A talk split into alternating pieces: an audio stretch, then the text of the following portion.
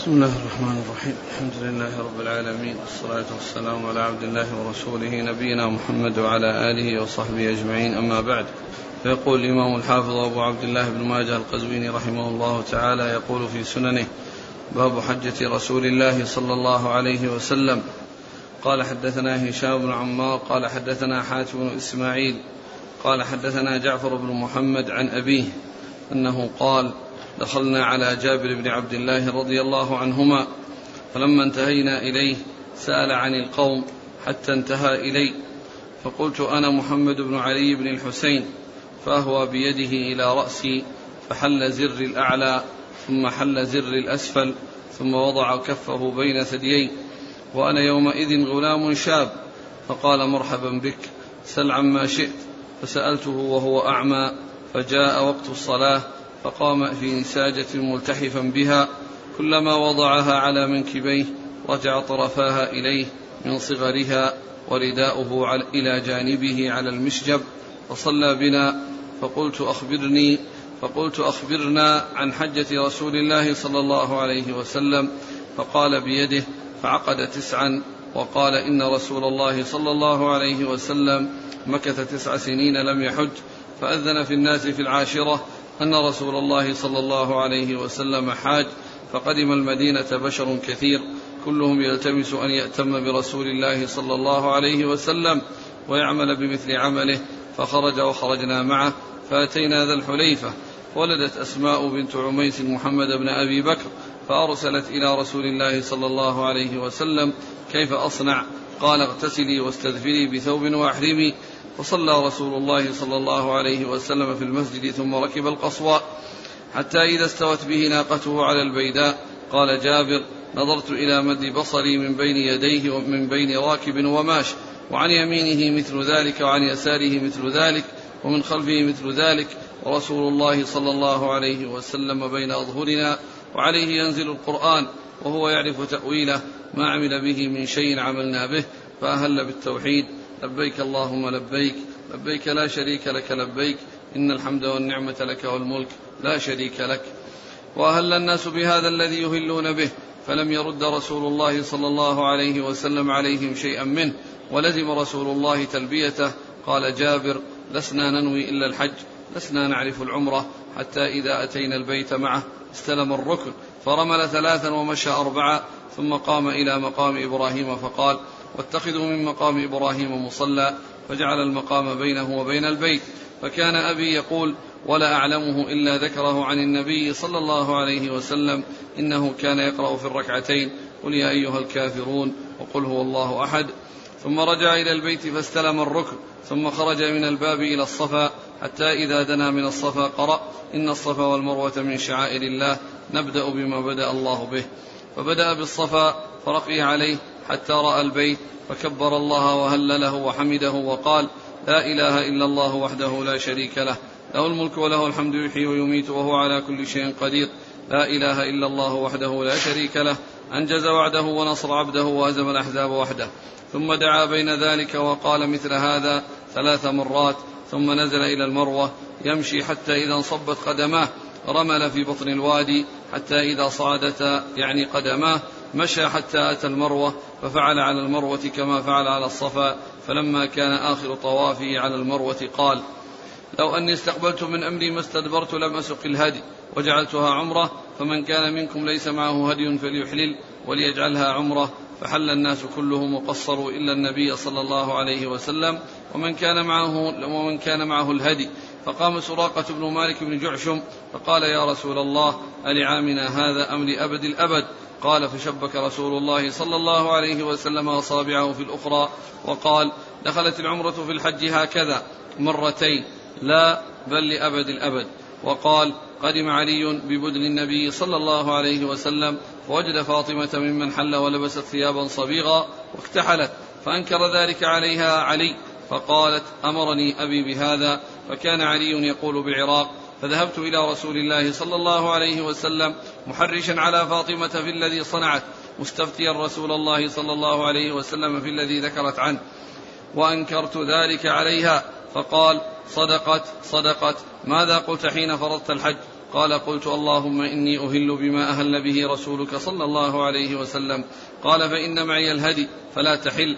قال فكان جماعة من الهدي الذي جاء به علي من اليمن والذي أتى به النبي صلى الله عليه وسلم من المدينة مئة ثم حل الناس كلهم وقصروا إلا النبي صلى الله عليه وسلم ومن كان معه هدي. فلما كان يوم التروية وتوجهوا إلى منى أهلوا بالحج. فركب رسول الله صلى الله عليه وسلم فصلى بمن الظهر والعصر والمغرب والعشاء والصبح ثم مكث قليلا حتى طلعت الشمس. وأمر بقبة من شعر فضربت له بنمرة فسار رسول الله صلى الله عليه وسلم. لا تشك قريش إلا أنه واقف عند المشعر الحرام أو المزدلفة كما كانت قريش, قريش تصنع في الجاهلية. فأجاز رسول الله صلى الله عليه وسلم حتى أتى عرفة فوجد القبة قد ضربت له بنمرة فنزل بها حتى إذا زاغت الشمس أمر بالقصواء فرحلت له. فركب حتى أتى بطن الوادي فخطب الناس فقال إن دماءكم وأموالكم عليكم حرام كحرمة يومكم هذا في شهركم هذا في بلدكم هذا. ألا وإن كل شيء من أمر الجاهلية موضوع تحت قدمي هاتين ودماء الجاهلية موضوعة وأول دم أضعه دم ربيع بن الحارث كان مسترضعا في بني سعد فقتلته هذيل وربا الجاهلية موضوع وأول ربا أضعه ربا العباس بن عبد المطلب فإنه موضوع كله فاتقوا الله في النساء فإنكم أخذتموهن بأمانة الله واستحللتم فروجهن بكلمة الله وإن لكم عليهن ألا يطئن فرشكم أحدا تكرهونه فإن فعلن ذلك فاضربوهن ضربا غير مبرح ولهن عليكم رزقهن وكسوتهن بالمعروف. وقد تركت فيكم ما لم تضلوا إن اعتصمتم به كتاب الله وأنتم مسؤولون عني فما أنتم قائلون؟ قالوا نشهد أنك قد بلغت وأديت ونصحت. فقال بإصبعه السبابة إلى السماء وينكتها إلى الناس اللهم اشهد اللهم اشهد ثلاث مرات. ثم أذن بلال ثم أقام فصلى الظهر ثم أقام فصلى العصر ولم يصلي بينهما شيئا ثم ركب رسول الله صلى الله عليه وسلم حتى أتى الموقف فجعل بطن ناقته إلى الصخرات وجعل حبل المشاة بين يديه واستقبل القبلة فلم يزل واقفا حتى غربت الشمس وذهبت الصفرة قليلا حتى قاب القرص وأردف أسامة بن زيد خلفه فدفع رسول الله صلى الله عليه وسلم وقد شنق القصواء بالزمام حتى إن رأسها ليصيب مورك رحله ويقول بيده اليمنى أيها الناس السكينة السكينة. كلما أتى حبلا من الحبال أرخى لها قليلا حتى تصعد. ثم أتى المزدلفة فصلى بها المغرب والعشاء بأذان واحد وإقامتين ولم يصلي بينهما شيئا. ثم اضطجع رسول الله صلى الله عليه وسلم حتى طلع الفجر. وصلى الفجر حين تبين له الصبح بأذان وإقامة. ثم ركب القصواء حتى أتى المشعر الحرام فرقي عليه فحمد الله عز وجل وكبره وهلله فلم يزل واقفا حتى أسفر جدا ثم دفع قبل أن تطلع الشمس وأردف الفضل بن العباس وكان رجلا حسن الشعر أبيض وسيما فلما دفع رسول الله صلى الله عليه وسلم مر الضعن يجرين فطفق ينظر إليهن فوضع رسول الله صلى الله عليه وسلم يده من الشق الآخر فصرف الفضل وجهه من الشق الآخر فنظر حتى أتى محسرا حرك قليلا ثم سلك الطريق الوسطى التي تخرجك إلى الجمرة الكبرى. حتى أتى الجمرة التي عند الشجرة فرمى بسبع حصيات يكبر مع كل حصاة يكبر مع كل حصاة منها مثل حصى الخدر ورمى من بطن الوادي ثم انصرف إلى المنحر فنحر ثلاثا وستين بدنة بيده وأعطى عليا فنحر ما غبر وأشركه في هديه ثم أمر من كل, بد من كل بدنة ببضعة فجعلت في قدر فطبخت فأكلا من لحمها وشرب من مرقها ثم أفاض رسول الله صلى الله عليه وسلم إلى البيت فصلى بمكة الظهر فأتى بني عبد المطلب وهم يسقون على زمزم فقال انزعوا بني عبد المطلب لولا أن يغلبكم الناس على سقايتكم لنزعت معكم فناولوه دلوا فشرب منه. بسم الله الرحمن الرحيم. الحمد لله رب العالمين وصلى الله وسلم وبارك على عبده ورسوله نبينا محمد وعلى آله وأصحابه أجمعين. أما بعد يقول الامام ماجه رحمه الله باب حجة النبي صلى الله عليه وسلم. أي بيان كيفية حجة النبي عليه الصلاة والسلام. والنبي عليه الصلاة والسلام إنما حجه حجه واحدة ودع فيها الناس وسميت حجة الوداع وقال خذوا عني مناسككم فلعلي لا ألقاكم بعد عامي هذا. وهذا من كمال نصحه صلى الله عليه وسلم لأمته عليه الصلاة والسلام لأنه آه، قال لما حج والناس معه يشاهدون أفعاله ويسمعون أقواله وقال خذوا عني مناسككم.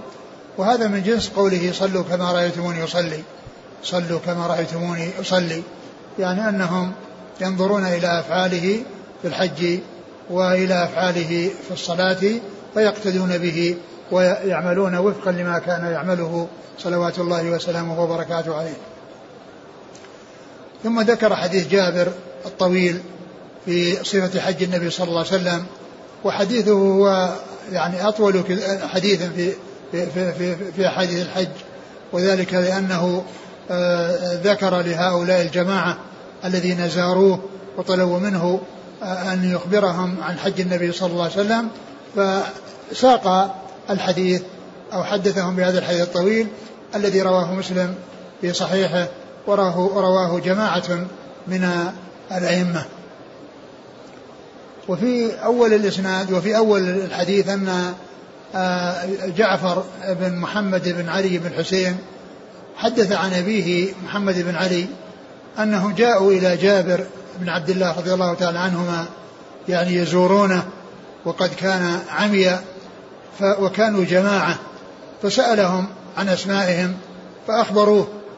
كل واحد سمى نفسه ثم إنه انتهى إلى محمد بن علي بن حسين فقال أنا محمد بن علي بن حسين. وهذا فيه دليل على أن على أن ال ال ال الإنسان يسأل آه، الناس الذين لا يعرفهم يسألهم عن أسمائهم لا سيما إذا كان أعمى مثل جابر رضي الله عنه فإنه سألهم لأنه سأل عنهم لأنه لا يراهم. لكن مثله لو كان آه، أناس جاءوا إلى جماعة إلى مبصر وهو لا يعرفهم فيعني سألهم عن أسمائهم حتى يكون على معرفة بهم فإن هذا هذا مناسب. ولا يقال أن هذا خاص بمثل هذه الحالة لكون جابر رضي الله عنه كان أعمى وسألهم حتى يعرف يعني من هم لكونه أعمى لا يراهم. فإن معرفة آه، المجهول الذي لا يعرفه الإنسان من قبل كونه يكون على علم به آه، عند لقائه للتعرف عليه وعلى معرفته. آه، هذا لا شك أنه من الأمور المناسبة وحديث جابر هذا يدل عليه. ثم إن كونه اختار محمد بن علي بن حسين ليحدثه وليسند إليه الحديث وليكون على قرب منه وليكون واضعا يده على صدره هذا يدلنا على معرفة آه، أصحاب الرسول صلى الله عليه وسلم لأهل البيت معرفة قدرهم واحترامهم وتوقيرهم لأنه خصه بالحديث وخصه بأن جعل يده على صدره بأن جعل يده على صدره ليكون ذلك أقرب إليه وليكون ذلك أمكن ويتمكن آه، محمد بن علي آه، على سبيل الخصوص وغيره ممن حضر على سبيل العموم لكن اختياره اختيار هذا الرجل من أهل البيت يدل على توقير الصحابة لأهل البيت وعلى عنايتهم بأهل البيت وعلى بيان معرفة أقدارهم ومنازلهم ولهذا خصه بإسناد الحديث إليه و ولما قرب منه وضع يده على صدر على رأسه يعني على صدره ثم نزل على على يعني إلى إلى إلى جيبه فحل إزراره الأعلى ثم إزراره الأسفل ثم جعل يده على صدره. ثم قال سل طلب منه أن يسأل وقال مرحبا بك. وهذا كما هو معلوم كله يدلنا على توقير التوقير لأهل البيت. قال قال مرحبا بك اسأل إيش قال بعدهم سل عما شئت. سل عما شئت. يعني وأسند الكلام معه وجعل الكلام معه وقال سل ما شئت معلوم أنهم جاءوا يعني ليسألوه عن آه، آه، أمور الدين ولا سيما عن هذه الحجة ولكن كونه آه، جعل الحديث مع عبد الله مع محمد بن علي دال على تمييزه على غيره لكونه من أهل البيت فقال سل عما بدا لك نعم قال فسألته وهو أعمى فجاء وقت الصلاة فقام إلى نساجة ملتحفا بها. كلما وضعها على منكبيه رجع طرفاها إليه من صغرها ورداؤه إلى جانبه على المسجب فصلى بنا. ثم أنهم يعني آه، أنه جاء وقت الصلاة فكان يسأله فكان سأله وجاء وقت الصلاة فقام يصلي بهم. وجعل نساجة على يعني رداء له على أعلاه. وكانت يعني ضيقة ورداؤه على المشجب والمشجب هو ما يوضع أو ما يجمع من من من من العسب فتضم آه، أصولها وقوائمها وتبقى أطرافها إلى جهات مختلفة آه، ليعلق عليها الثياب. يعلق عليها ثياب هذا يقال له المشجب. فالمشجب معلق عليه الرداء وقد صلى بهم بهذه النساجة التي هي قطعة من القماش وقطعة من الثياب يجعلها على منسوجة جعلها على على رداء له أو على كتفيه بدل الرداء وهي صغيرة. قال ف... ف... فقلت أخبرنا عن حجة لا قبل قبل هذا. فسألته وهو أعمى فجاء وقت الصلاة فقام في نساجة ملتحفا بها كلما وضعها على منكبيه رجع طرفاها إليه من صغرها ورداؤه إلى جانبه على المشجب فصلى بنا. فقلت أخبرنا عن حجة رسول الله صلى الله عليه وسلم. فقال بيده فعقد تسعا.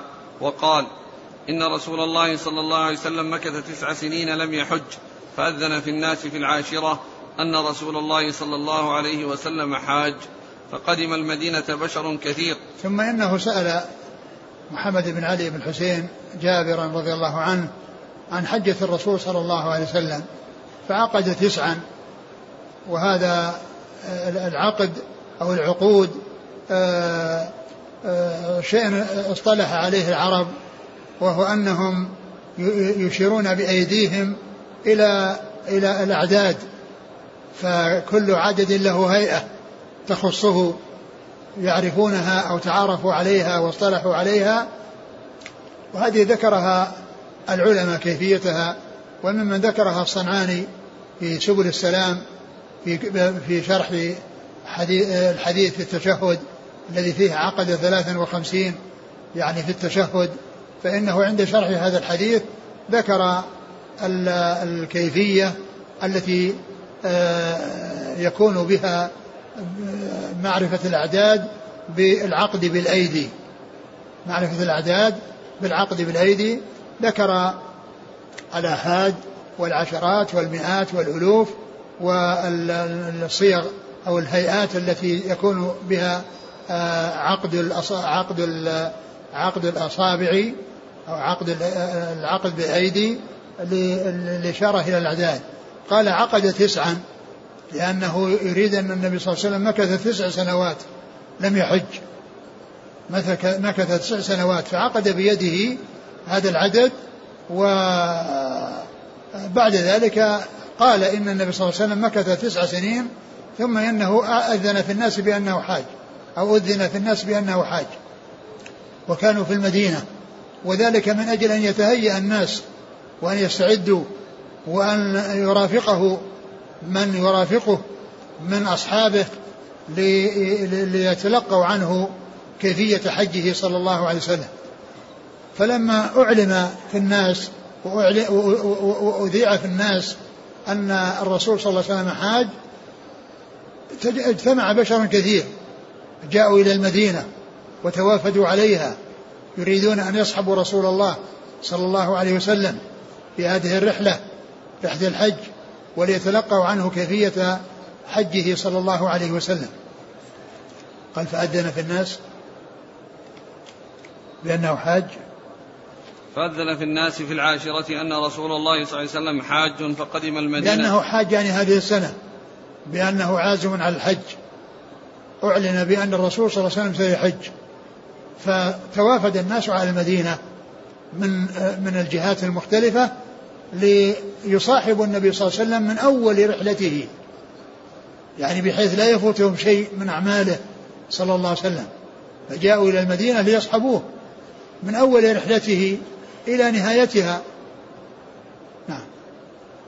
فتوافد الناس. فقدم المدينة بشر كثير كلهم يلتمس أن يأتم برسول الله صلى الله عليه وسلم ويعمل بمثل عمله. يعني يريد أن يأتم به يقتدي به ويعرف أعماله صلى الله عليه وسلم فيعمل بها فيعمل بها ويقتدي بالنبي صلى الله عليه وسلم فيها. نعم.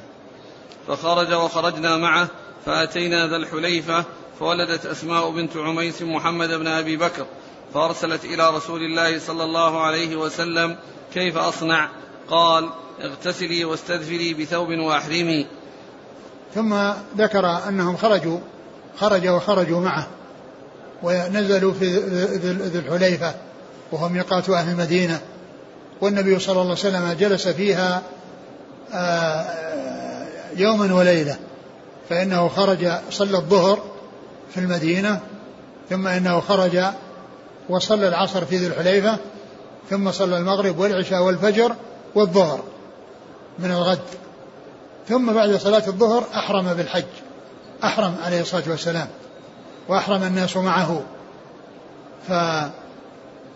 فتجمعوا في ذي الحليفة في, في تلك اليوم والليلة مع النبي صلى الله عليه وسلم لينطلقوا معه ويعرفوا آه، أعماله من أولها. ف قال في إيش؟ فخرجنا وخرجنا معه فأتينا ذا الحليفة فولدت نعم فولدت أسماء بنت عميس. وهي زوجة أبي بكر الصديق رضي الله عنه. ولدت محمد بن أبي بكر. ولدت ابنها محمد بن أبي بكر. وكا فسألت النبي صلى الله عليه وسلم ماذا أفعل؟ فالرسول صلى الله عليه وسلم آه، آآ يعني آه، أمر الذي آه، سأل لها أن يخبرها بأن عليها أن تغتسل يعني أنها تتنظف وتتهيأ يعني للإحرام. هذا الغسل يعني ليس من أجل النفاس وإنما هو من أجل الإحرام ولهذا يستحب في الإحرام أن يغتسل. وهذا من مستحبات الإحرام وليس بواجب. يمكن الإنسان أن يحرم بدون اغتسال ولكن يستحب الاغتسال قبل أن يحرم. فأمرها أن تغتسل وأن تتنظف وأن تستثفر بثوب. يعني أنها تشد على فرجها ثوبا يعني وتجعل قطنا يعني في فرجها حتى يمنع سيلان الدم ف فتشده عليها و وتحرم. يعني وهي وهي وهي وهي نفساء وهذا يدلنا على أن الحائض والنفساء يحرمان وهما في دمهما وفي آه، في حال النفاس وفي حال الحيض وأنهما يدخلان في الإحرام ويعملان كل شيء يعمله الحجاج إلا أنهما لا يدخلان المسجد للطواف فيه إلا بعد طهرهما وبعد اغتسالهما يعني بعد التطهر بعد حصول الطهر والتطهر عند ذلك يدخلن المسجد ويحصل منهن الطواف الطواف بالبيت. و فأمرها أن تفعل هذا الفعل ودل ذلك على أن آه، مثلها من النف... من كان نفسا أو حائضا فإنه يحرم وهو متلبس بهذا. بهذا العذر الذي هو الدم بسبب النفاس والحيض ولكنه لا يفعل يفعل كل شيء إلا ما يتعلق بالطواف في البيت العتيق. نعم.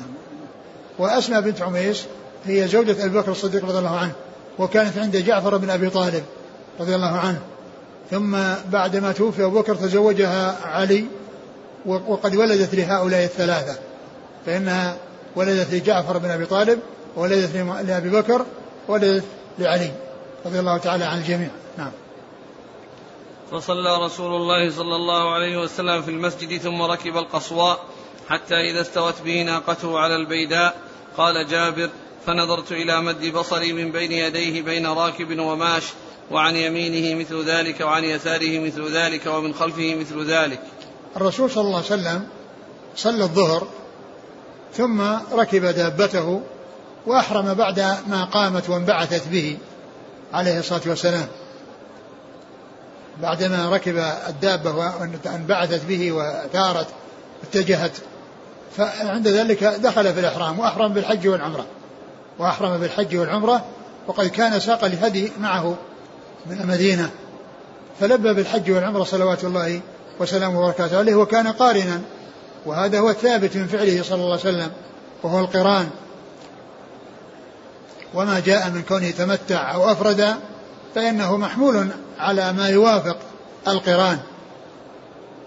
والثابت الذي جاء في الأحاديث الكثيرة عنه صلى الله عليه وسلم أنه كان قارنا جمع بين الحج والعمرة بإحرام واحد ولبى بالحج والعمرة وساق معه الهدي من المدينة صلوات الله وسلامه وبركاته عليه.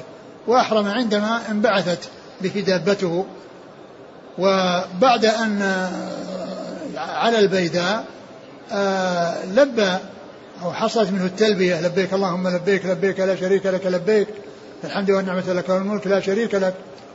وقال جابر أن أن الناس يعني من جميع الجهات معه صلى الله عليه وسلم مد البصر يعني أمامه وعن يمينه وعن شماله ومن ورائه لأنهم خلق كثير صحبوه صلى الله عليه وسلم والناس معه من, من, من جميع الجهات أمامه وخلفه ويمينه وشماله مد البصر لكثرتهم الذين خرجوا معه عليه الصلاة والسلام لهذه الحجة. ثم إنه لبى بالتوحيد لبيك اللهم لبيك لبيك لا شريك لك لبيك إن الحمد والنعمة لك والملك لا شريك لك. والتلبية هي آه، جواب يجيب به من دعي وهو جواب حسن. ولهذا في تعامل الناس عندما ينادي احدهم بعضهم بعضا يقول المنادى لبيك يعني ان أنها إجابة إجابة حسنة وجواب حسن يجيب به من ينادى ومن يدعى.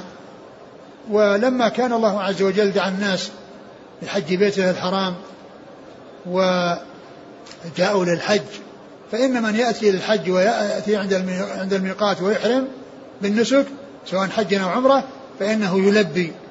ومعنى ذلك أنك دعوتني لحج بيتك ووفقتني للوصول إلى هذا المكان الذي يكون منه الإحرام فلبيك اللهم لبيك. دعوتني ويسرت لي الوصول إلى هذا المكان الذي يكون من الإحرام فلبيك اللهم لبيك. لبيك اللهم لبيك لبيك لا شريك لك لبيك. إن الحمد والنعمة لك والملك لا شريك لك. وهذه هي تلبية الرسول صلى الله عليه وسلم التي كان يرددها وكان أصحابه يعني يلبون بتلبيات أخرى وبزيادات على على على تلبيته صلى الله عليه وسلم وقد أقرهم على ذلك. ولكنه لزم تلبيته صلى الله عليه وسلم. وهذا يدلنا على أن ما أقره النبي صلى الله عليه وسلم أنه سائغ وأنه جائز وأن لأن النبي صلى الله عليه وسلم لا يقر إلا على حق ولا يقر على باطل صلوات الله وسلامه وبركاته عليه. ولكن البقى على تلبيته صلى الله عليه وسلم لكونه بقي عليها ولازمها هذا هو الأولى. الأولى أن الإنسان يلبي بتلبية الرسول صلى الله عليه وسلم ما ثبت عنه وهذه التلبية والحديث الآخر الذي فيه سبق أن مر بنا لبيك إله الحق. لبيك إله الحق فإن هذا أيضا ثابت عن رسول الله صلى الله عليه وسلم. فصار يلبي بهذه التلبية وأصحابه يلبون بها ويلبون بغيرها وقد أقرهم على ذلك. فدل هذا على أن كل ذلك سائغ ولكن الأولى والأفضل هو الإبقاء على تلبية رسول الله صلى الله عليه وسلم. لبيك اللهم لبيك لبيك لا شريك لك لبيك. إن الحمد والنعمة لك والملك لا شريك لك. وفي هذه التلبية آه، إعلان التوحيد وإخلاص العبادة لله عز وجل وبيان أن كل عمل لا ينفع صاحبه إلا إذا كان مبنيا على الإخلاص لله وعلى المتابعة لرسول الله صلى الله عليه وسلم. لأن من شرط العمل المقبول عند الله أن يتوفر فيه شرطان. أن يكون لله خالصا وأن يكون لسنة نبيه محمد صلى الله عليه وسلم مطابقا وموافقا. وهذا هو مقتضى أشهد أن لا إله إلا الله وأشهد أن محمد رسول الله. لأن مقتضى أشهد أن لا إله إلا الله إخلاص العبادة لله. ومقتضى أشهد أن محمد رسول الله المتابعة للرسول صلى الله عليه وسلم. والسير على منهاجه والاقتداء به والاتساء به صلوات الله وسلامه وبركاته عليه. فالتلبية مشتملة على التوحيد وعلى إعلان التوحيد وأن العبادة لله وحده فالصلاة له سبحانه وتعالى والصدقة له والحج له والصيام له وكل الأعمال آه، التي يتقرب بها الله عز وجل هي لله عز وجل. بل فيما يتعلق بالمعاملات وغيرها الإنسان إذا أراد أو قصد بها الاستنان بالرسول صلى الله عليه وسلم والعمل وفقا لما جاء به وإن كانت أمور واجبة عليه فإن الله عز وجل يثيبه ويأجره عليها وإن كان يؤدي أمرا واجبا عليه إيش بعد ذلك؟ قال جابر لسنا ننوي إلا الحج لسنا نعرف العمرة قال جابر لسنا ننوي إلا الحج لأن الرحلة رحلة حج والعمرة كما هو معلوم في آه، في في جميع أيام السنة. وأما هذا فإنه فإن هذه رحلة حج. لكن هذه الرحلة يعني من أصحابه من كان حاجا فقط معتمرا آه، مفردا ومنهم من كان قارنا للحج والعمرة ومنهم من كان آتيا بالعمرة وحدها الذي هو التمتع. وأمهات المؤمنين ممن أحرمنا بالعمرة وكنا متمتعات. قال يعني لا, لا يعني لا ننوي إلا الحج يعني معناه أن الحج هو الأصل وقد يضاف إليه عمرة في نسك واحد وهو القران وقد يؤتى بالعمرة تسبقه لأنهم يعني لا يعرفون إلا الحج في هذه الرحلة لأنهم حجاج. لكن هل يعني كيفية النسك الذي كانوا عليه؟ كانوا ثلاثة أقسام. قسم أحرم بالحج والعمرة وقسم أحرم بالحج وحده وقسم أحرم بالعمرة وحدها. نعم. قال كنا.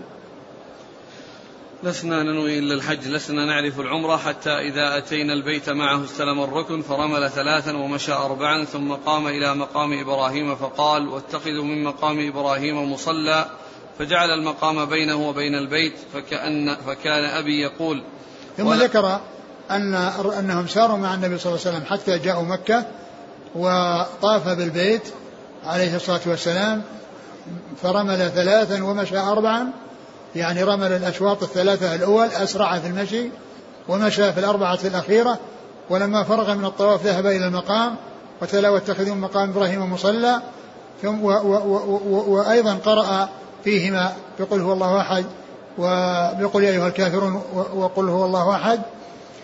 فدل هذا على على يعني مشروعية صلاة ركعتين بعد الطواف وأنهما تكون من خلف المقام وهذا حيث تيسر ذلك وإن كان في ذلك مشقة أو كان فيه ليس هناك مجال للزحام أو لعدم وجود مكان يصلي فيه فإنه يذهب ويصلي في أي مكان شاء من المسجد.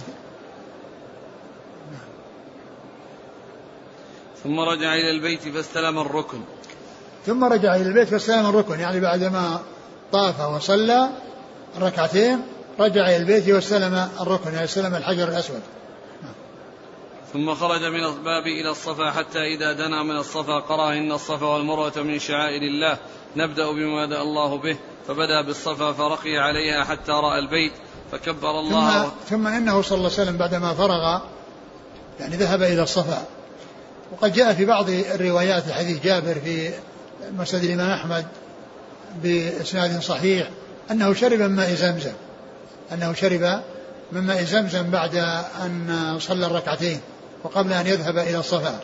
شرب من ماء زمزم ورش على رأسه منه صلوات الله وسلامه وبركاته عليه ثم ذهب إلى الصفا. وعندما أقبل عليه وقال تلا أن الصفا والمروة من شعائر الله وقال نبدأ بما بدأ الله به. الله عز وجل لما ذكر الصفا والمروة قدم الصفا على المروة في الذكر. قال فما بدأ فنحن نبدأ بما بدأ الله به يعني ما بدأ الله به ذكرا نبدأ به فعلا. ما بدأ الله به ذكرا بقوله إن الصفا والمروة ما قال إن المروة والصفا نبدأ بما بدأ الله به الله بدأ بذكر الصفا وقدمه على المروة. فإذا نحن نقدم الصفا على المروة. نقدم الصفا على المروة بالفعل. ولهذا قال نبدأ بما بدأ الله به يعني لأنه سيبدأ بالسعي وسيبدأ بالصفا وقال إننا نبدأ بما بدأ الله به لأن الله قدم الصفا على المروة في الذكر فنحن نقدم الصفا عن المروة بالفعل فنبدأ بها ولا نبدأ بالمروة. ثم إنه رقى على الصفا صعد عليه واستقبل القبلة و ودعا وش قال؟ لا إله فكبر الله وهلله وحمده.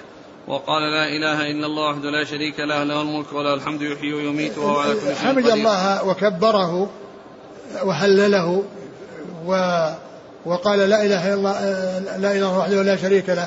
صدق وعده ونصر عبده وهزم الأحزاب وحده. وكان يدعو بين يعني وكرر هذا الذكر وكان يدعو أيضا بعد بين هذا الذكر بما بما بما بما شاء عليه الصلاة والسلام من الدعاء فدل هذا على أن هذا الذكر يؤتى به آه، فوق آه، عند بدء عند الوقوف على الصفا أو عند عند عند السعي فوق الصفا وكذلك يؤتى به عند فوق المروة أو عند المروة فيؤتى بهذا الذكر وبالدعاء. والذكر قد بين ولكن الدعاء ما بين. فيسأل الله عز وجل الإنسان يدعو بما يشاء من خير الدنيا والآخرة. يدعو بما شاء من خير الدنيا والآخرة فيأتي بهذا الذكر الذي هو ثناء على الله عز وجل وتوحيد له وتمجيد له سبحانه وتعالى. ثم بعد ذلك يعني يأتي بالدعاء بينهما ويكرر هذا الذكر ويكرر الدعاء بين يعني بينها ويفعل ذلك على الصفا. والصعود على الصفا ليس بلازم وإنما هو مستحب.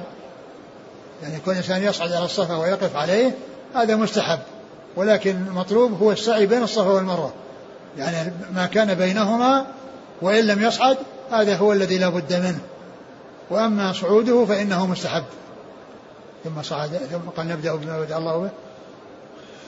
ثم دعا بين ذلك وقال مثل هذا ثلاث مرات ثم نزل إلى المروة يمشي حتى إذا صبت قدماه رمل في بطن الوادي حتى إذا صعدتا يعني قدماه مشى حتى أتى المروة ففعل على المروة كما فعل على الصفا. فلما وقف على الصفا ودعا وكبر وهلل وحمد الله عز وجل وأتى بهذا الذكر والدعاء الذي يكون معه نزل متجها إلى المروة. ومشى كان يمشي مشيا حتى إذا جاء بطن الوادي. وانحدرت قدماه في بطن الوادي أسرع حتى إذا يعني آه، جاء إلى الجهة الأخرى وصعد إلى الجهة المقابلة يعني آه، توقف عن السعي واللي هو الذي هو الإسراع وصار يمشي مثل ما كان يمشي. وكان ذلك كان بطن وادي كان بطن وادي و فيسرع في بطن الوادي ويمشي مشيا في غير ذلك. ويمشي مشيا في غير ذلك. والآن جعل يعني عليه علامة خضراء. يعني ما كان بين العلمين الأخضرين هو الذي يكون فيه السعي.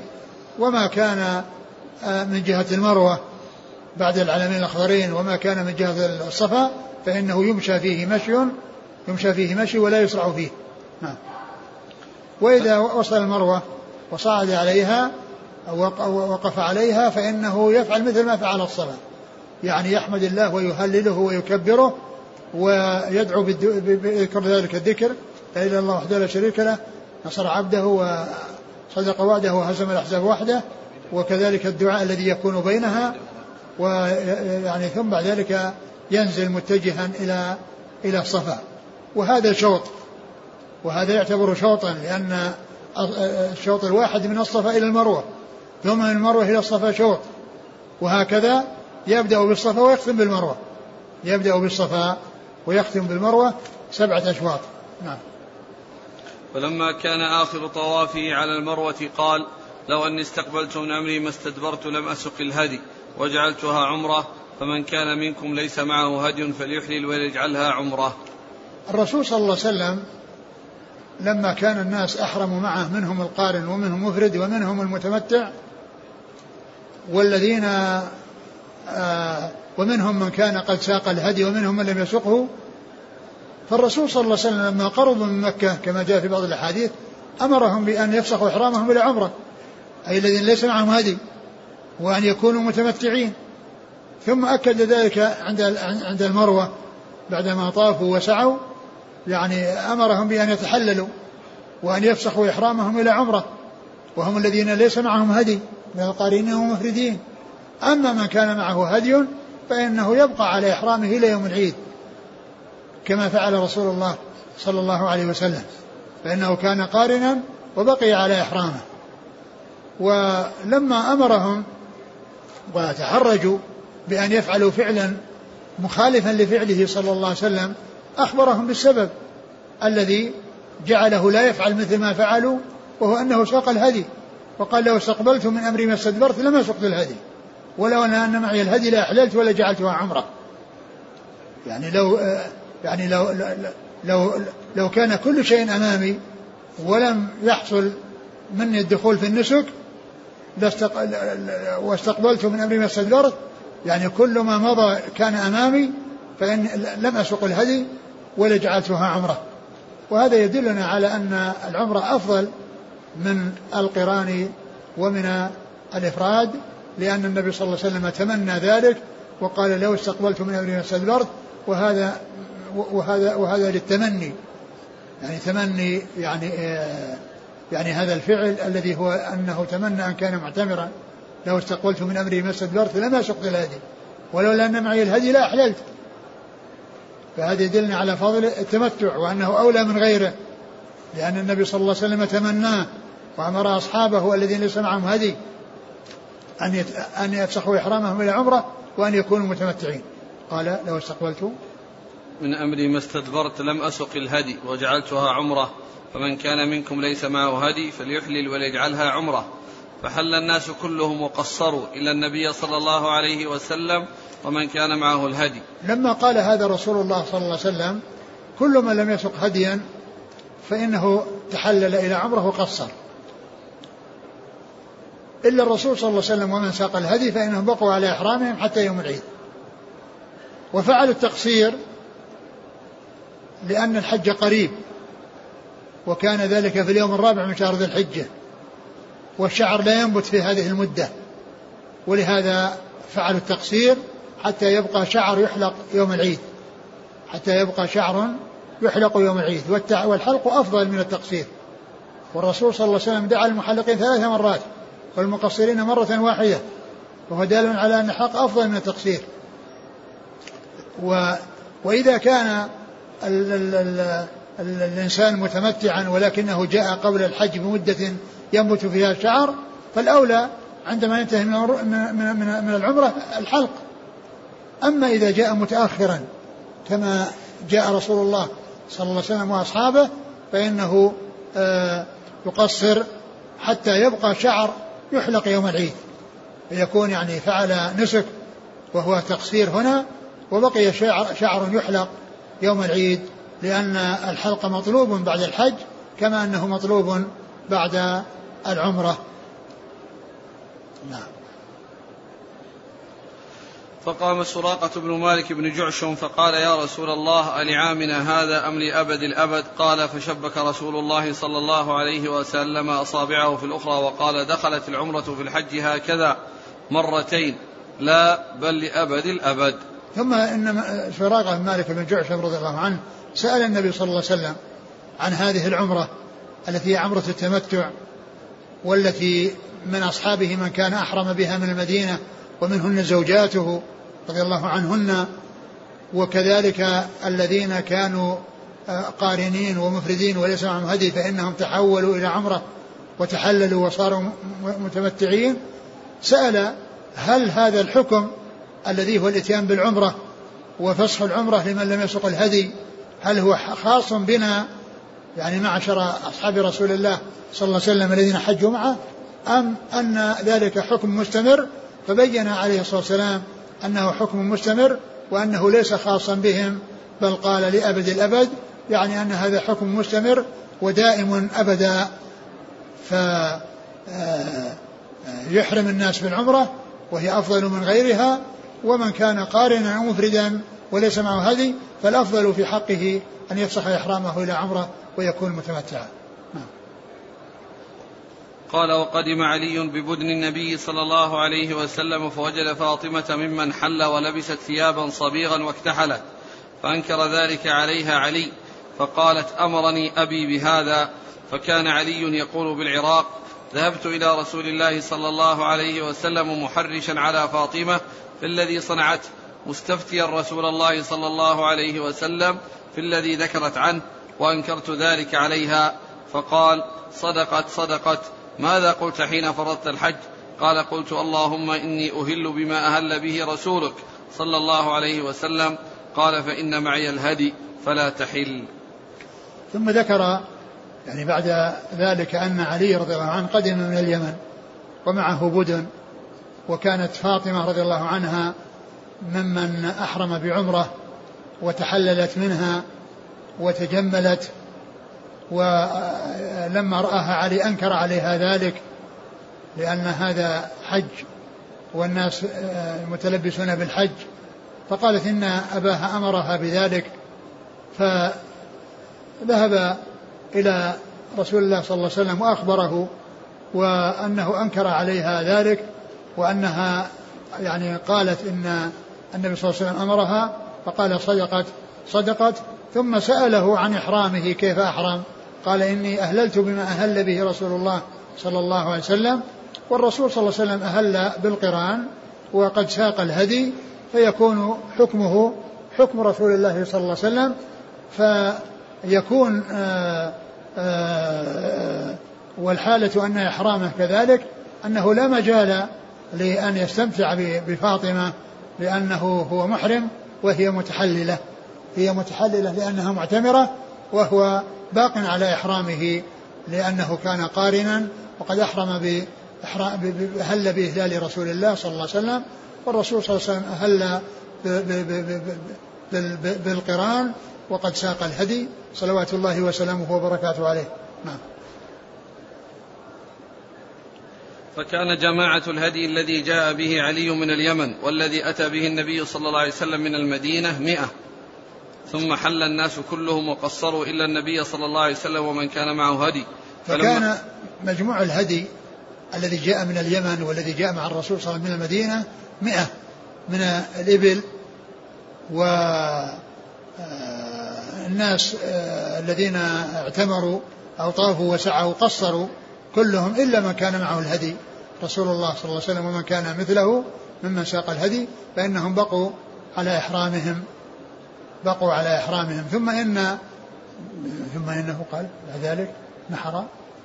ثم بعد فلما كان يوم التروية وتوجهوا إلى منى. نعم. فلما كان يوم التروية توجهوا إلى منى. الذي باق على إحرام لأنهم ساكنين بمكة في الأبطح. فالذي باق على إحرامه هو رسول الله صلى الله عليه وسلم هو مستمر على إحرامه. والذين تحللوا من المعتمرين ومن الذين فسخوا قرانهم وأفرادهم إلى عمرة حيث لم يسوقوا الهدي فإنهم أحرموا بالحج. أحرموا بالحج من مكة من منازلهم. ثم ذهبوا إلى منى.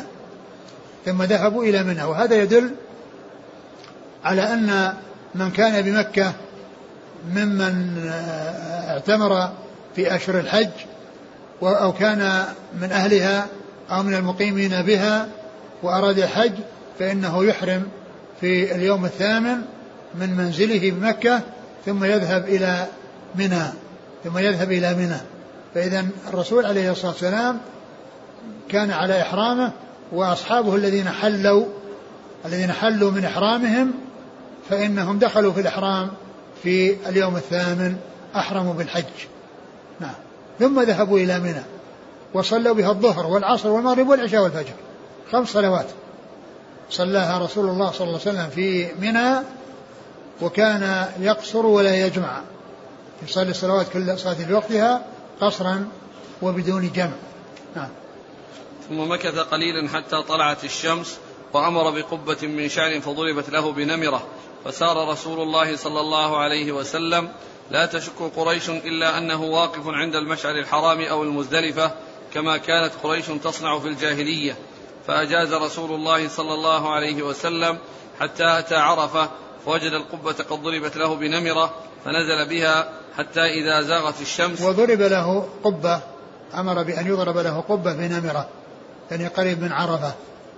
فذهب بعد طلوع الشمس من منى ووصل إلى هذه القبة ونزل بها حتى زالت الشمس حتى زالت الشمس. وهذا يدلنا على أن المحرم له أن يستظل بالظلال ظلال الخيمة أو ظلال الشجر أو كذلك يستعمل المظلة هذه التي يحملها حتى تقيه من من الشمس. كل ذلك سائغ.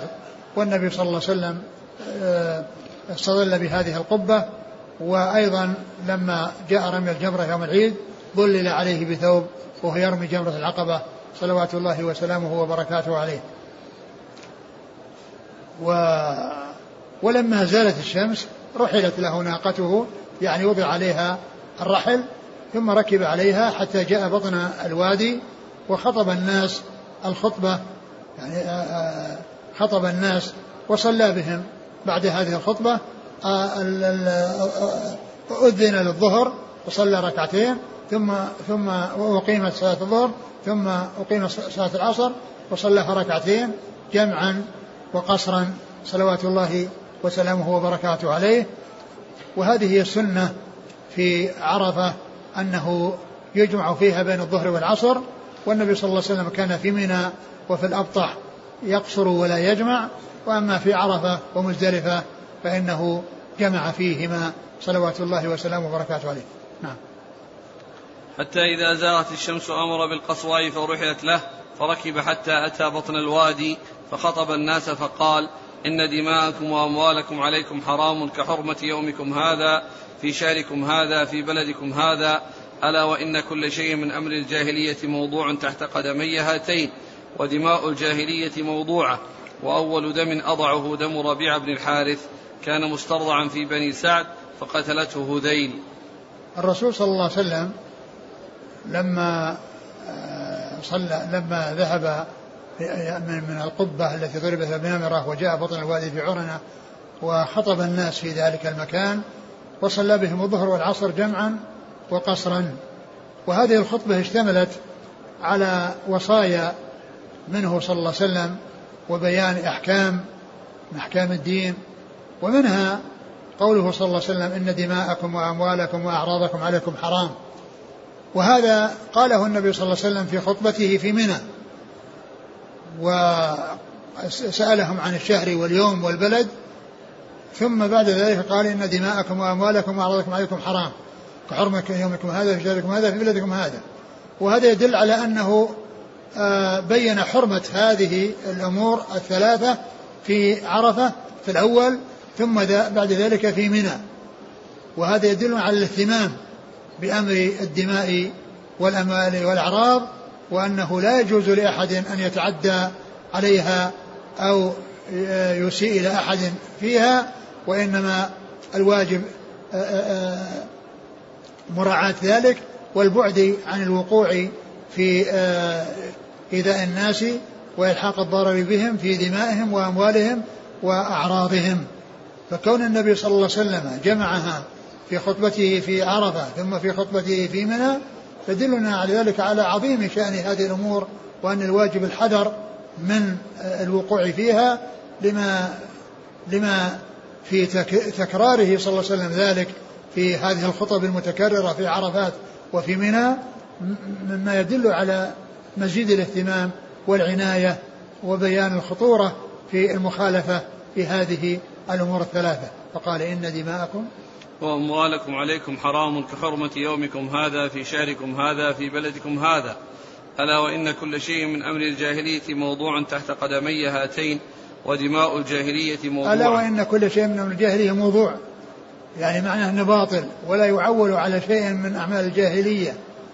وما كان منها يعني آه، جاء الإسلام وأدركه فإنه آه، يسار فيه وفقا لما جاء بالإسلام فقال إن ألا وإن كل شيء من أمر الجاهلية موضوع تحت قدمي هاتين. يعني معناه أنه باطل وأنه آه، زائل وأنه لا لا عبرة به ولا يعول عليه وأنه شيء انتهى. نعم. ودماء الجاهلية موضوعة وأول دم أضعه دم ربيع بن الحارث كان مسترضعا في بني سعد دم الجاهلية موضوعة يعني الدماء اللي كانت بين الناس في الجاهلية. والتي آه، يكون بينهم الحرب بينهم بسببها وأخذ الثأر فيها كل ما كان في الجاهلية فإنه قد انتهى. فإنه قد انتهى ولا يطالب أحد بشيء كان في الجاهلية. ولا يطالب أحد أحدا بشيء كان في الجاهلية من الدماء التي جرت بينهم. قال وأول دم أضعه دم ربيعة. بن حارث بن عبد المطلب. وهنا قال ربيعة وفي سبق في حديث آخر أنه قال الحارث بن عبد المطلب وجاء في بعضها أنه ابن لربيعة ابن لربيعة وهذا هو الأقرب أنه ابن لربيعة الذي آه، قتل وأهدر النبي صلى الله عليه وسلم دمه وأنه لا يطالب آه، بدمه في الإسلام. بل دماء الجاهلية كلها موضوعة وكلها مرفوضة ولا يطالب أحدا أحد أحدا بدم كان في الجاهلية. وأول دم أضعه؟ دم ربيعة بن الحارث كان مسترضعا في بني سعد فقتلته هذيل وربا الجاهلية موضوع وأول ربا أضعه ربا العباس بن عبد المطلب. وربا الجاهلية موضوع أيضا. وأول ربا يضعه آه، ربا العباس بن المطلب يعني اللي كانوا يتعاملون في الجاهلية فإنهم يعني يتركونه وما كانوا قد قبضوه وصار بأيديهم هذا شيء انتهى. لكن الشيء الذي آه، لم يعني يصل يعني إليهم فإنه يترك. ويكون الأمر كما قال الله عز وجل لهم رؤوس أموالهم لا يظلمون ولا يظلمون. نعم. فاتقوا الله فاتقوا الله في النساء فإنكم أخذتموهن بأمانة الله واستحللتم فروجهن بكلمة الله. وإن لكم ثم, عن... ثم وصف ثم ذكر في خطبته الوصية بالنساء الوصية بالنساء والتقوى أمرهم بتقوى الله فيهن وأن يعني يقوموا بما يجب عليهم نحو نحوهن وأن لا يحصل منهم الإضرار بهن سواء في الأقوال أو الأفعال. وإن وقال في قال إنكم أخذتم أنكم أخذتموهن بأمانة بأمانة الله, الله يعني أنها أمانة. يعني آه، تحملتم إياها بكونكم ملكتم أبضاعهم أبضاعهن بهذه ال بهذه ال بهذا الذي شرعه الله عز وجل فهن أمانة. في أيديكم عليكم أن تؤدوا ما يجب عليكم نحوهن واستحللتم فروجهن بكلمة الله. يعني بإحلال الله عز وجل وبتشريعه بأن أباح لكم الزواج منهن وقد استحللتم فروجهن بإذن الله وبأمر الله وبشرع الله. نعم. وإن لكم عليهن ألا يطئن فرشكم أحدا تكرهونه. وإن لكم عليهن ألا يطئن أحد فرشكم أحدا تكرهونه.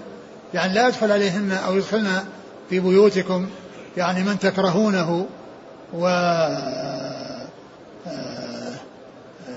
يعني حتى ولو كان من من من من من, من, من, من الأقارب الذين لا يرغب الإنسان آه، دخولهم من أجل غرض من الأغراض أو من أجل آه، آه، شيء يخاف. يعني ليس الأمر مقصورا على الأجانب بل حتى الأقارب الذين يعني يخشى أن يترتب على دخولهم يعني شيء من الضرر. نعم. فإن فعلن ذلك فاضربوهن ضربا غير مبرح. فإن فعلنا يعني حصل منهن مخالفة يعني بهذا الأمر الذي هو آه كونهم كونه أذن لأحد لا ترضون دخوله عليهن فأضربوهن ضربا غير مبرح يعني غير شديد لأنهن خالفن ما طلبتم منهن وما رغبتم رغبتم من منهن القيام به. ولهن عليكم رزقهن وكسوتهن بالمعروف. يعني الواجب الواجب عليكم الكسوة والنفقة بالمعروف يعني بالشيء المعروف يعني لا لا تقتير ولا إسراف. لا إسراف ولا تقتير وإنما بالإعتدال والتوسط من غير إفراط ولا تفريط ومن غير إسراف ولا تقتير. والذين إذا أنفقوا لم يسرفوا ولم يقتروا وكان بين ذلك قواما. وقد تركت فيكم ما لم تضلوا إن اعتصمتم به كتاب الله. وقد تركت فيكم ما إن اعتصمتم به لم تضلوا كتاب الله. كتاب الله عز وجل وكذلك سنة الرسول صلى الله عليه وسلم. قد جاء في بعض الأحاديث الجمع بين الكتاب والسنة. ثم التنصيص على الكتاب تدخل فيه السنة. لأن من من من, من الكتاب قول الله عز وجل وما آتاكم الرسول فخذوه وما نهاكم عنه فانتهوا. فإن السنة داخلة في الكتاب. والأمر بالكتاب وما جاء به الأمر في الكتاب من آه، اتباع السنة فإنه يعني مطلوب كما أن العمل بالقرآن مطلوب فكذلك السنة مطلوبة أو العمل بالسنة مطلوب. و و آه، التوصية بالأخذ بالكتاب هو توصية بالسنة لأن من جملة الكتاب وما آتاكم الرسول فخذوه وما نهاكم عنه فانتهوا. ومعلوم أن السنة مبينة للكتاب وموضحة للكتاب ولا يستغنى بالكتاب عن السنة. لا يستغنى بالكتاب عن السنة بل لا بد من الأخذ بالسنة. ثم كثير من الأعمال الصلاة والزكاة والصيام والحج إنما جاء بيانها بالسنة. يعني جاءت في القرآن مجملة. جاء الأمر بالصلاة وإقام الصلاة لكن كيف الصلوات؟ إيش مقدار الركعات؟ كيف هي الصلاة من أولها إلى آخرها؟ صلاة الظهر كم؟ صلاة العصر كم؟ هذا لا يعرف إلا بالسنة. ما جاء في القرآن. لم يأتي في القرآن بيان يعني مقادير الصلوات. وإنما جاء بالسنة ولهذا قال صلى الله عليه وسلم صلوا كما رأيتموني أصلي وكذلك الحج جاء بيانه بالسنة وقال خذوا عني مناسككم. فلعلي لا ألقاكم بعد عامي هذا. فالأمر باللفظ الذي جاء في ذكر الكتاب لا يعني خروج السنة لأن السنة داخلة في الكتاب في قوله وما آتاكم الرسول فخذوه وما نهاكم عنه فانتهوا. وأنتم مسؤولون عني فما أنتم قائلون. قالوا نشهد أنك قد بلغت وأديت ونصحت. فقال بإصبعه السبابة إلى السماء وينكتها إلى الناس اللهم اشهد اللهم اشهد ثلاث مرات. ثم إنه سأل الناس قال إنكم مسؤولون عني فماذا أنتم قائلون؟ يعني مسؤول. ثم إنه صلى الله عليه وسلم سألهم وقال إنكم مسؤولون عني ماذا أنتم قائلون؟ يعني عندما تسألون عني ماذا يكون جوابكم؟ فقالوا نشهد أنك قد بلغت وأديت ونصحت. يعني بلغت الرسالة وأديت الأمانة ونصحت الأمة. صلوات الله وسلامه وبركاته عليه. فإنه قد أدى ما كلف به على التمام والكمال فدل أمته على كل خير وحذرها من كل شر وما ترك أمرا يقرب إلى الله إلا وبينه لها ودلها عليه وما ترك أمرا يباعد من الله إلا وحذرها منه. صلوات الله وسلامه وبركاته عليه. ثم إنهم بعدما قالوا هذا رفع إصبعه إلى السماء وأشار يعني إليهم اللهم اشهد يعني رفعها إلى السماء وينكتها يعني عليهم بمعنى يطلب من الله أن يشهد أو يسأل الله أن يعني أن يستشهد الله عليهم وأنهم قد أقروا وقد اعترفوا بأنه بلغ الرسالة وأدى الأمانة ونصح الأمة. فقال اللهم اشهد يعني على تبليغه إياهم وعلى أنهم آه، آه، أجابوا بهذا الجواب عندما سئلوا. وأنه أدى الأمانة ونصح الأمة وبلغ الرسالة صلوات الله وسلامه وبركاته عليه. وهذا فيه إشارة إلى علو الله عز وجل وأنه في السماء فوق العرش سبحانه وتعالى لأن رفعه آه، إصبعه إشارة إلى الله عز وجل وأنه فوق عباده فوق عرشه سبحانه وتعالى. نعم. ثم أذن بلال ثم أقام فصلى الظهر ثم أقام فصلى العصر. ولم يصلي بينهما شيئا. ثم صلى الظهر والعصر بأذن واحد وإقامتين أذن بلال وأقيمت صلاة الظهر وصليت ركعتين ثم أقيمت صلاة العصر وصليت ركعتين ولم يصلي بينهما شيئا. يعني ما في تنفل ما فيه آه، تنفل بينهما. يعني لا قبلها ولا لا, لا قبلهما ولا بعدهما. وإنما أتى بهاتين الركعتين للظهر بعد إقامتها ثم ركعتين العصر بعد إقامتها وهذا يدلنا على مشروعية الجمع بين الظهر والعصر بعرفة وأن يكون ذلك في أول وقت لأنه بعد ذلك يبدأ الوقوف فيستمر الناس في الوقوف إلى غروب الشمس. لا يقطع ذلك صلاة لأن الصلاة أن الصلاة فرغ منها بحيث صليت العصر مع الظهر جمع تقديم فعند ذلك يبدأ الوقوف ويتسع الوقت ويستمر الناس يعني في وقوفهم لا يتخلل ذلك يعني صلاة آه، لأن الصلاة قدمت مع مع الظهر. نعم. ثم ركب رسول الله صلى الله عليه وسلم حتى أتى الموقف فجعل بطن ناقته إلى الصخرات وجعل حبل المشاة بين يديه واستقبل القبلة فلم يزل واقفا حتى غربت الشمس وذهبت الصفرة قليلا. ثم ثم إنه صلى الله عليه وسلم بعدما فرغ من الصلاة ركب دابته وذهب إلى المكان الذي وقف فيه وكان يعني آه، آه، وقوفه عند الصخرات التي في أسفل الجبل المسمى جبل الرحمه فاستقبل القبلة ولم يزل واقفا يعني في ذلك المكان الذي وقف فيه حتى غربت الشمس وتحقق غروبها وتحقق الغروب و وقد قال عليه الصلاة والسلام وقفت ها هنا وعرف كلها موقف.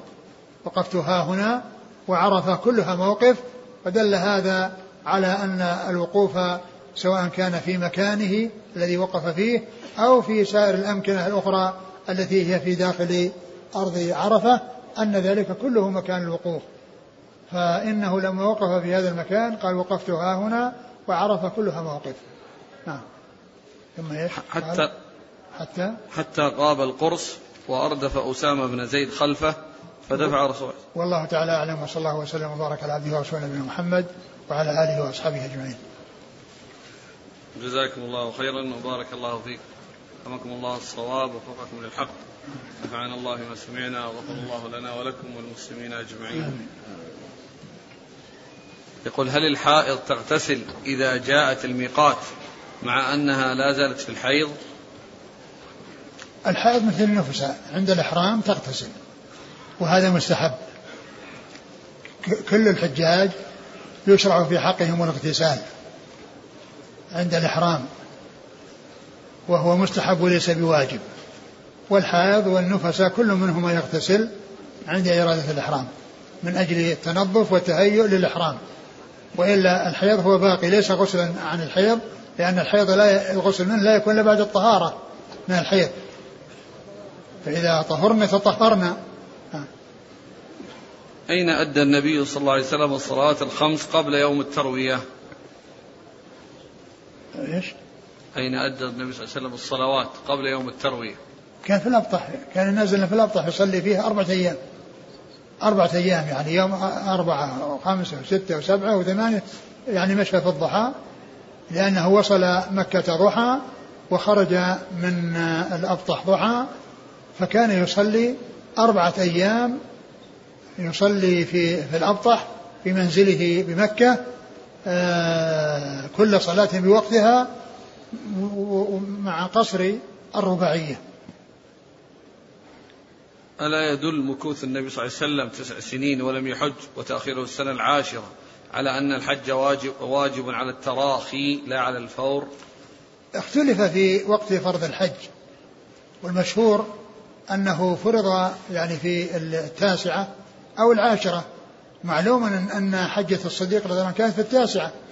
والنبي صلى الله عليه وسلم أخر ذلك من أجل أن يهيئ يعني الحج وال يعني والعادات الجاهلية كلها يقضى عليها ويعلن في الناس يعني في تلك الحجة أن كل ما كان مر الجاهلية فإنه يترك وأنه يبتعد عنه. وحجة الصديق يعني كانت يعني يعني حج حج وحج من حج معه من أجل أن يبين للناس ترك كل ما كان من أعمال الجاهلية حتى إذا حج النبي صلى الله عليه وسلم وإذا آه، كل ما هو محذور قد زال وقد ذهب. قيل إنها في التاسعة وقيل إنها في العاشرة أي فرض الحج. وعلى هذا يكون آه، على الفور وإنما تأخيره تلك السنة من أجل مصلحة. التي يعني حجة الصديق التأخير عن حجة الصديق. يسأل عن هل يعرف عدد الحجاج الذين كانوا مع النبي صلى الله عليه وسلم؟ قيل إنهم مئة ألف وقيل إنه أكثر من ذلك. من لم يستطع أن يستلم الحجر بعد الركعتين هل يشير إليه؟ أنا لا أدري يعني الرسول صلى الله عليه وسلم جاء عنه ذكر ال ذكر ال الاستلام. والاستلام الآن فيه مشقة. فلا أدري هل يعني آه، فيما يتعلق بالإشارة لأن الإشارة جاءت في حال الطواف. يعني إذا لم يعني يستلم فإنه يشير عندما يحاذيه. وهنا جاء فيه استلام وكان خارجا عن الطواف وليس له علاقة بالطواف. وإنما بعدما صلى ركعتين جاء واستلم فلا أدري هل تعامل معاملة الطواف بحيث أنه إذا لم يستطع يشير. فهذا ينبغي أن يبحث يعني وينظر يعني هل ورد في ذلك شيء يعني يدل عليه. لا أدري. يقول بعض التجار يرش ماء زمزم على بضاعته من باب التبرك فهل يجوز؟ والله ما نعلم لهذا وجه. يرش على بضاعته إذا إذا كل البضائع يعني يعني يستهلك ماء زمزم عليها من أجل رشها من أجل البركة لا لا نعلم لهذا أصلا. والصحابة ما فعلوه والرسول صلى الله عليه وسلم ما فعله وإنما فعله في آه، كونه رش على نفسه. أما كون الناس يعني يأخذون آه، يكفي الناس أنهم يحصلون يشربون يقول الأخ كذلك من يغسل كفنه بماء زمزم. والله ما أعلم له وجه هذا ما نعلم لهذا وجه. ومعلوم